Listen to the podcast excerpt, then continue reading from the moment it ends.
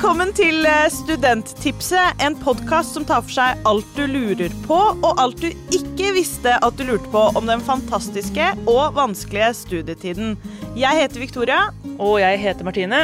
Studenttipset det lages av oss i Fagforbundet Ung. Vi jobber for å gjøre livet litt lettere for deg som er student, både på og utafor studiestedet. Tenker du mye på penger, eh, Martine? Jeg tenker i hvert fall mye på dem jeg ikke har. Det er jo nettopp det som er litt av greia, og jeg føler at eh, når jeg var student sjøl òg, så skulle jeg gjerne hatt eh, litt mer penger og litt bedre råd. Eh, og jeg tvi tviler på at det har forandra seg, for når du er student, så teller man jo ofte hver eneste lille krone. Derfor så har vi fått med oss eh, eksperthjelp eh, fra en som virkelig har peiling på penger. Yes, her i studio i dag så har vi med oss Lene Drange, kjent fra Luksusfellen på TV3, eller for andre kanskje fra Snapchat-kontoen Snaponomi. Der svarer hun unge som har ulike spørsmål om personlig økonomi. Lene, velkommen hit! Du, tusen takk. Veldig stas å være gjest. Så bra. For å starte med en slags dom, Lene. Hva syns du er status på norske studenter? Er de flinke med økonomien sin? Eller kunne vi, og da sier jeg vi, for jeg har jo vært student selv, eh, vært eh, kanskje en tur gjennom luksusfellen alle sammen? Kanskje ikke innom luksusfellen, men jeg tror veldig mange har Altså, de har ikke så god kunnskap om det, men eh, de har et ønske om å kunne mer, eller vil lære mer. Så det er jo det jeg veldig Altså opplever både i luksusfellen, men også på sosiale medier, da, at det er sånn Hva er de lure tipsene? Hvordan bør vi gjøre det? Eh, for jeg vil lære, jeg vil bli god, jeg vil få mest mulig ut av pengene, men jeg syns det er et vanskelig tema, da. Egentlig status, tror jeg. Da har vi et spørsmål fra våre studenter. Hvordan får du egentlig mest ut av studielånet? Ja, det, det, er jo det er et vanskelig spørsmål, da. Eh, men det som jeg tror er veldig viktig, er å legge litt tid i å forstå verdien av penger. Altså verdien av sine egne penger, da. Fordi at penger er jo mye mer abstrakt nå enn det har vært før. Sant? Altså det er tall i nettbanken, det er ikke liksom 1500-lapper og sånn, som du ser at blir færre og færre. Det er liksom et tall. Så du må liksom gå inn for å forstå det, og så må du tenke over det der med at ok, hva får jeg for dette her? Fordi at når man flytter hjemmefra, så har man, man har levd godt. Man har, lever gjerne på all inclusive fordi foreldrene betaler for ting. Og så må du da erfare hva ting koster, da. Og da er det viktig å liksom ha en noenlunde plan, men ikke gjøre det for komplisert, da. Og da forstår du egentlig litt ok, hvor mye må jeg jobbe for å få råd til mat, hvor mye må jeg jobbe for det, hva kan jeg bruke studielånet på, og bli litt strukturert, da. Mm. Det, jeg har noen gang tenkt at den tavla med de pengene, det hadde vært noe å ha hjemme. Men den tar litt mye plass, kanskje. Så det er kanskje ikke det du har plass til på den lille hybelen eh, som student. Eh, de fleste studenter, Lene, de har jo en deltidsjobb, og det gjelder jo også for, forhåpentligvis, eller kanskje noen av de som eh, lytter eh, her også, eh, at de har mulighet til å tjene litt ekstra penger ved siden av studietida. Og da er det jo kanskje litt fristende å ta mange ekstravakter for å tjene litt ekstra, men det kan jo også gå utover studiene. Har du noen gode råd for hvordan man kan tenke på å liksom balansere studietid versus jobb, da, som gir penger? Mm. Det, det, er helt rett det du sier, for det er veldig viktig å ikke gå over den inntektsgrensen som Lånekassen har. Nå er han er litt over 190 000 i året, eh, og da må du hele tiden passe på. Eh, og da er det veldig sånn det, det, stedet det er lurest å gå inn for å sjekke hvordan du ligger an, er jo på mitt skattekort. Sant? Det bør jo alle ha et aktivt forhold til når, uansett om du er student eller om du jobber eller hva du gjør. For der kommer det opp hva som er rapportert inn på lønn på deg, da, og så ser du om også skatten er rett. Sånn, så hvis du går inn der nå i starten av året, så har du egentlig mye å gå på, da, men liksom når det blir høst igjen og du nærmer deg jul, da må du inn og sjekke. Og så er det sånn at hvis du eh, har f.eks. tjent 180 000 og kommer til å bikke over, så kan du eh, også spørre arbeidsgiver om du kan få utbetalt lønn over jul, for å ikke gå over den inntektsgrensen. For det, det som skjer, er at den, eh, altså det beløpet som blir redusert, altså det beløpet som er stipend, blir jo da redusert, så det lønner seg ikke. Men så er jo det der problematikken med at du trenger pengene, sant? for du har husleie og du har mat, og du skal liksom dekke dine vanlige utgifter, da. Men, eh, men ikke gjør det, for det lønner seg ikke. Mm. Vi jobber jo for heltidsstudenten, vi, så det aller beste hadde jo vært om man kunne vært eh, student på fulltid, kanskje, men det er dyrt. Det er dyrt. Det er dyrt å leve av. Spør spørsmålet er jo eh, hvor streng må man være? Kan sløse litt innimellom? Ja, det kan man. Ja, ja, ja. Man må jo det for å overleve, men det blir litt sånn kalkulert sløsing. Så jeg tror det er veldig viktig å eh, sånn, Du må betale det du skal, med liksom stipend og lån, og så må du sette av penger til mat på en egen konto, veldig viktig, for ellers så går du tom, og så blir det eh, nudler eller pasta og pesto i en uke eller to. Det går ikke så bra. Eh, og så resten, da, må du ha, liksom, ha et beløp så du kan kose deg med. Det tror jeg er veldig viktig, for ellers så kommer ikke du til å overleve. Men sånn, det er noe fint det der med at mm, alle studenter nesten har litt sånn dårlig råd, eller det er litt begrenset med midler, så da kan man leve litt sånn sammen. Det er mye verre når noen begynner å jobbe, og noen blir plutselig mye rikere, da, altså med at man har en fulltidsjobb, enn hvis du eh, alle er studenter, da. Det blir litt som hos oss, det. Du får på en måte et fellesskap eh, med på kjøpet når du blir, blir student, akkurat som du blir eh, hvis du er med i Fagforbundet. Eh, I Luksusfellen så er jo du uh, ganske hard når du forhandler med inkassoselskapene. Det er jo ganske tøft å se på, egentlig. Uh, er det noe vi vanlige, dødelige mennesker kan gjøre også? Kan man egentlig forhandle pris med f.eks.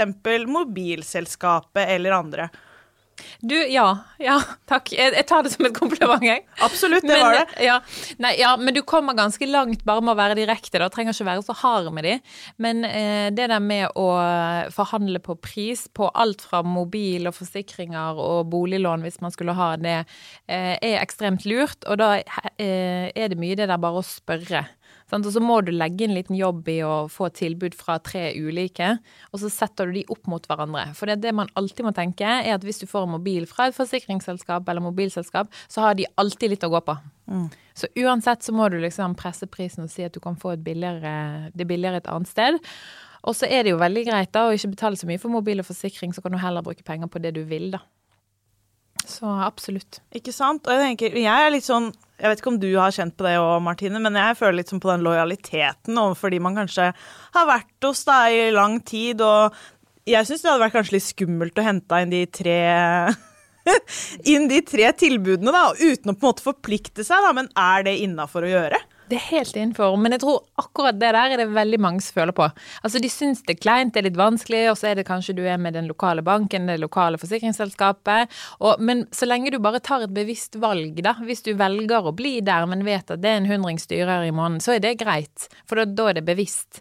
Men sant, du må vite hva du velger mellom, da. Du må liksom ha alle fakta på bordet.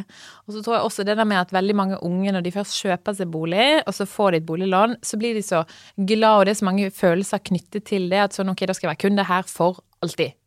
Eh, fordi at de ga meg det lånet. Men da tror jeg det er lurt å se på nedbetalingsplanen og se at du betaler over 100 000 til de bare renter, så det er bare på sin plass at du skal presse de litt på pris. Ja, der svikter vel jeg litt. Jeg har jo hatt NetCom siden jeg var elleve år gammel, så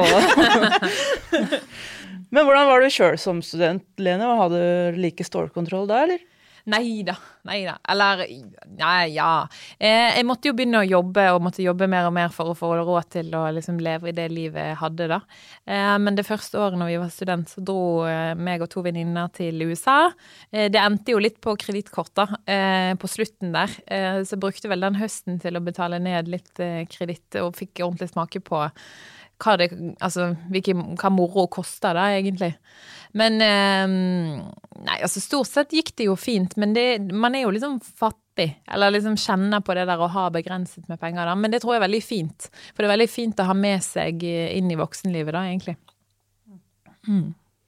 Rett og slett lære seg å leve litt eh, på budsjett. At, det, at man kan bruke studietida til å benytte anledningen til å leve litt uh, lite, men at man vil få igjen for det når man blir voksen. Jeg skulle gjerne ønske at jeg hadde benytta anledningen til det selv. Jeg levde nok litt over evne når jeg var student, og det er jo som man må betale for, som du sier, i Kanskje ikke bare en høst, men kanskje lenger også i etterkant. ja, ja. Og det, det, smaker jo ikke veldig vondt når du endelig kan komme ut og tjene penger som ferdig utdanna og har fått deg drømmejobben, og så er det kredittkort du skal liksom uh, betale ned på. Det smaker ikke veldig godt. Det hadde vært mye bedre å kunne satt av penger hver måned til uh, sparing til boliglån, f.eks. Men for, for det er jo litt sånn Hvor går egentlig grensen da fra å være pengesmart og fornuftig og, og god til å være litt sånn uh, gjerrig? Altså, er det lov å be folk vippse hvis du har hatt dem på middagsbesøk, f.eks.? Og det der er det klassiske eksempelet. Nei, men eh, jeg tror jo at du kan være Det å være økonomisk og det å være gjerrig er ikke det samme. Det er veldig viktig, da. For det, det å være gjerrig, da er du da er du rett og slett litt kjip eh, på pengefronten. Og det er helt greit å være hvis man vil være det, men å være økonomisk, sant? da er du smart. Du betaler ikke for mye for noen, men òg du har et aktivt forhold til de avtaler og det du faktisk betaler for, da. Men jeg syns jo det der at eh, hvis du er student og har noen på taket og sånn, så absolutt da kan du spørre om det, og da er det litt forventet. Vi hadde jo det også sånn i vår vennekrets at ikke, ingen av oss hadde råd til å spandere middag på alle, men hvis alle vippset en 50-lapp eller sånn, så var det greit, da. Men så kommer jo dilemmaet nå, da, noen år etter man har vært student og man har begynt å jobbe, da, da er det litt mer at man kanskje kan spandere, da, hvis man har økonomi til det. Men jeg tror det er veldig mye å hente på å bare sette en standard, egentlig. Fordi at alle kjenner på det, og alle føler på det. Så hvis man bare leder an med at ok, vi inviterer på taco, enten at noen tar med vin, eller skal vi alle vippse, eller hvordan gjør vi det, da, så er det som regel helt greit. For det er jo mye bedre å eh, faktisk møtes da og spise den middagen og vippse for deg enn å sitte hjemme alene i frykt for å eh, For du vet ikke, og det er kleint, og du har ikke råd til å betale for alle, da. Det er i hvert fall ikke noe kult å være den eh, som er eh, spandabel, og så sitter de andre og er litt eh, gjerrige. Men det er sikkert ikke kult å være motsatt heller, hvis man har en situasjon som tilsier at man ikke kan være spandabel også. Mm. Mm. Men det handler, altså det handler som alt mulig annet om økonomi. Man må snakke om det, da. Altså både med sine venner og sine nærmeste og familie og kjærester og alt mulig, da. Uansett, det er veldig mye å hente på det, da. Og så får du bare vekk alle de usikkerhetene, for alle føler på det samme, stort sett, da. Mm. Det syns jeg er veldig, veldig godt tips, egentlig, det du sa der. Jeg syns det er litt vanskelig å snakke om penger. Er det ikke litt sånn tabu med det, Martine? Jo, jeg satt akkurat og tenkte på det. Hvorfor er det så flaut å snakke om at en har lite penger? Eller for så vidt, hvorfor skal en ikke si at vi har god råd? Er det janteloven, eller? Jeg tror det. Og så eh, for mange så føler de på det der at hvis de De vet ikke helt hva man skal snakke om når man skal snakke om økonomi. Det er sånn Hvis jeg, jeg og min eh, kjæreste skal snakke om økonomi, så er det sånn Ja, hvor, hvor mye har du på konto, da? Altså sånn Man vet ikke helt hvor man skal begynne, da. Eh, og komme den, i gang med den samtalen. Og så det der med at alle har jo ulik økonomi og et ulikt utgangspunkt, og prioriterer ulikt, da. Eh, men altså, jeg mener jo at både i en venneflokk, men også eh, de man er sammen med, så bør man snakke om det. Uansett hvor kleint det er. Sant? Og da må man snakke om økonomiske forventninger. Hva forventer du? Altså om det er å vippse eller forventer at du skal betale halvparten av utgiftene for vi bor sammen. Eh, og liksom sånn, hvor vil vi? Sant? Skal vi spare masse? Skal vi dra sammen på en tur? Eh, men at det er det samme om det er med venner eller med kjæreste. Det er litt ulike former, men det er liksom samme praten man bør ha, da. Eh, som er veldig lurt, for jeg tror du tjener mye på det, da, å ha en åpenhet. Men så er det også denne med at på jobb bør du også snakke om penger. For sant, eh, spesielt da når man har deltidsjobb og er studenter, da er man oftest ganske langt nede på den lønnsstigen. Eh, og kanskje ikke man har vært der i noen år, du har kanskje ikke gått opp i lønn ennå. Hva tjener de andre som har samme arbeidsoppgaver som deg, har du mer erfaring? Jeg tror at hvis folk hadde snakket mer sammen, så hadde man fått en sterkere sak overfor arbeidsgiver, og også tjent mer, da. Mm. Så det er mange steder man må snakke om økonomi. Og der kan man jo også bruke tillitsvalgte, f.eks. Få hjelp til å finne ut om man får riktig lønn. For én ting jeg har lært som eh, tillitsvalgt i Fagforbundet, er jo når jeg har vært ute og snakka med studenter f.eks., er jo at noen av dem faktisk får feil lønn i forhold til hvilke lønnsstige de skulle vært på, uh, ut fra hvor de er hen i utdanninga si. Så det er også et veldig uh, bra ting å ta med seg, da. Mm. Um, Mm. Og så bare en liten ting til der òg. Det å gå gjennom kontrakten og få hjelp til den, da. For de der arbeidskontraktene på deltidsjobber, de er dårlige. Det er veldig mye du har krav på som du ikke får, da. Så det der å bruke Fagforbundet sitt for alt det er verdt, det er absolutt lurt. Åh, deilig å høre. Hva syns du, Martine? Det er godt å, godt å høre det. det. At det ikke bare er vi som er liksom godt inn i det, som tenker sånn. For det, alle bør egentlig tenke sånn, som Helene sier der, da. Ja, helt riktig.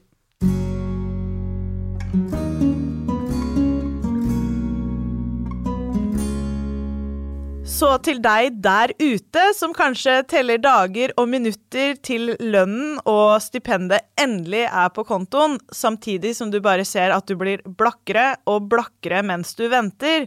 Det trenger kanskje ikke å være helt sånn.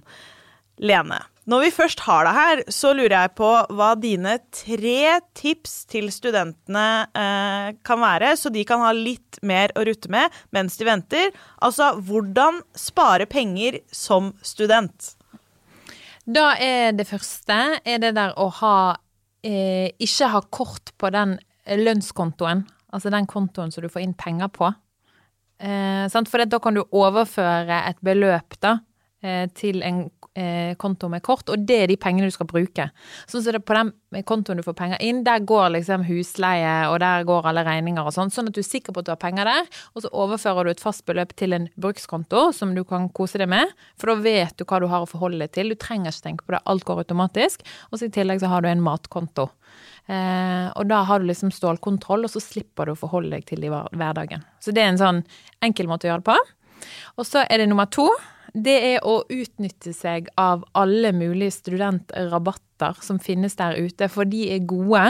Hvis du bare bruker litt tid på det. Og der igjen, da, snakk med liksom de du er med, og om de har noen tips, og finn ut på nett. Og det er ekstremt mye å hente der, som er gode rabatter. Og så er det den siste, det med å snakke om penger, da.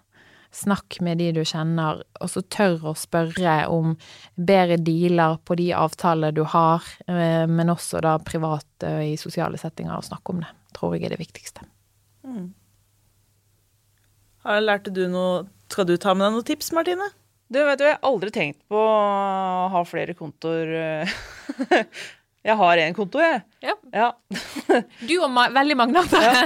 Og da er det så lett for at du drar det kortet, sant? og så kommer det en regning eh, liksom 20 dager etter du fikk lønning eller fikk stipend, og så er det sånn Oi, nå var det litt trangt, ja, og så skal jeg eh, ha mat, og så eh, skal jeg leve litt til, da. Men så blir det ofte litt trangt, så derfor er det veldig lurt å skille på det. For da vet du det der sløsebeløpet, da, eller liksom bruksbeløpet, da. Alt dette som eh, Du vet hvor mye du har igjen der, og så vet du at alt blir betalt, og du vet at du har penger til mat, da.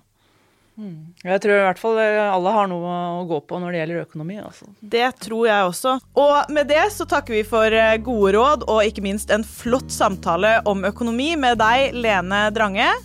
Og lurer du på noe om Fagforbundet, eller om ei eh, fagforening kan være noe for deg, så kan du sjekke Fagforbundet på nett. Vi er overalt.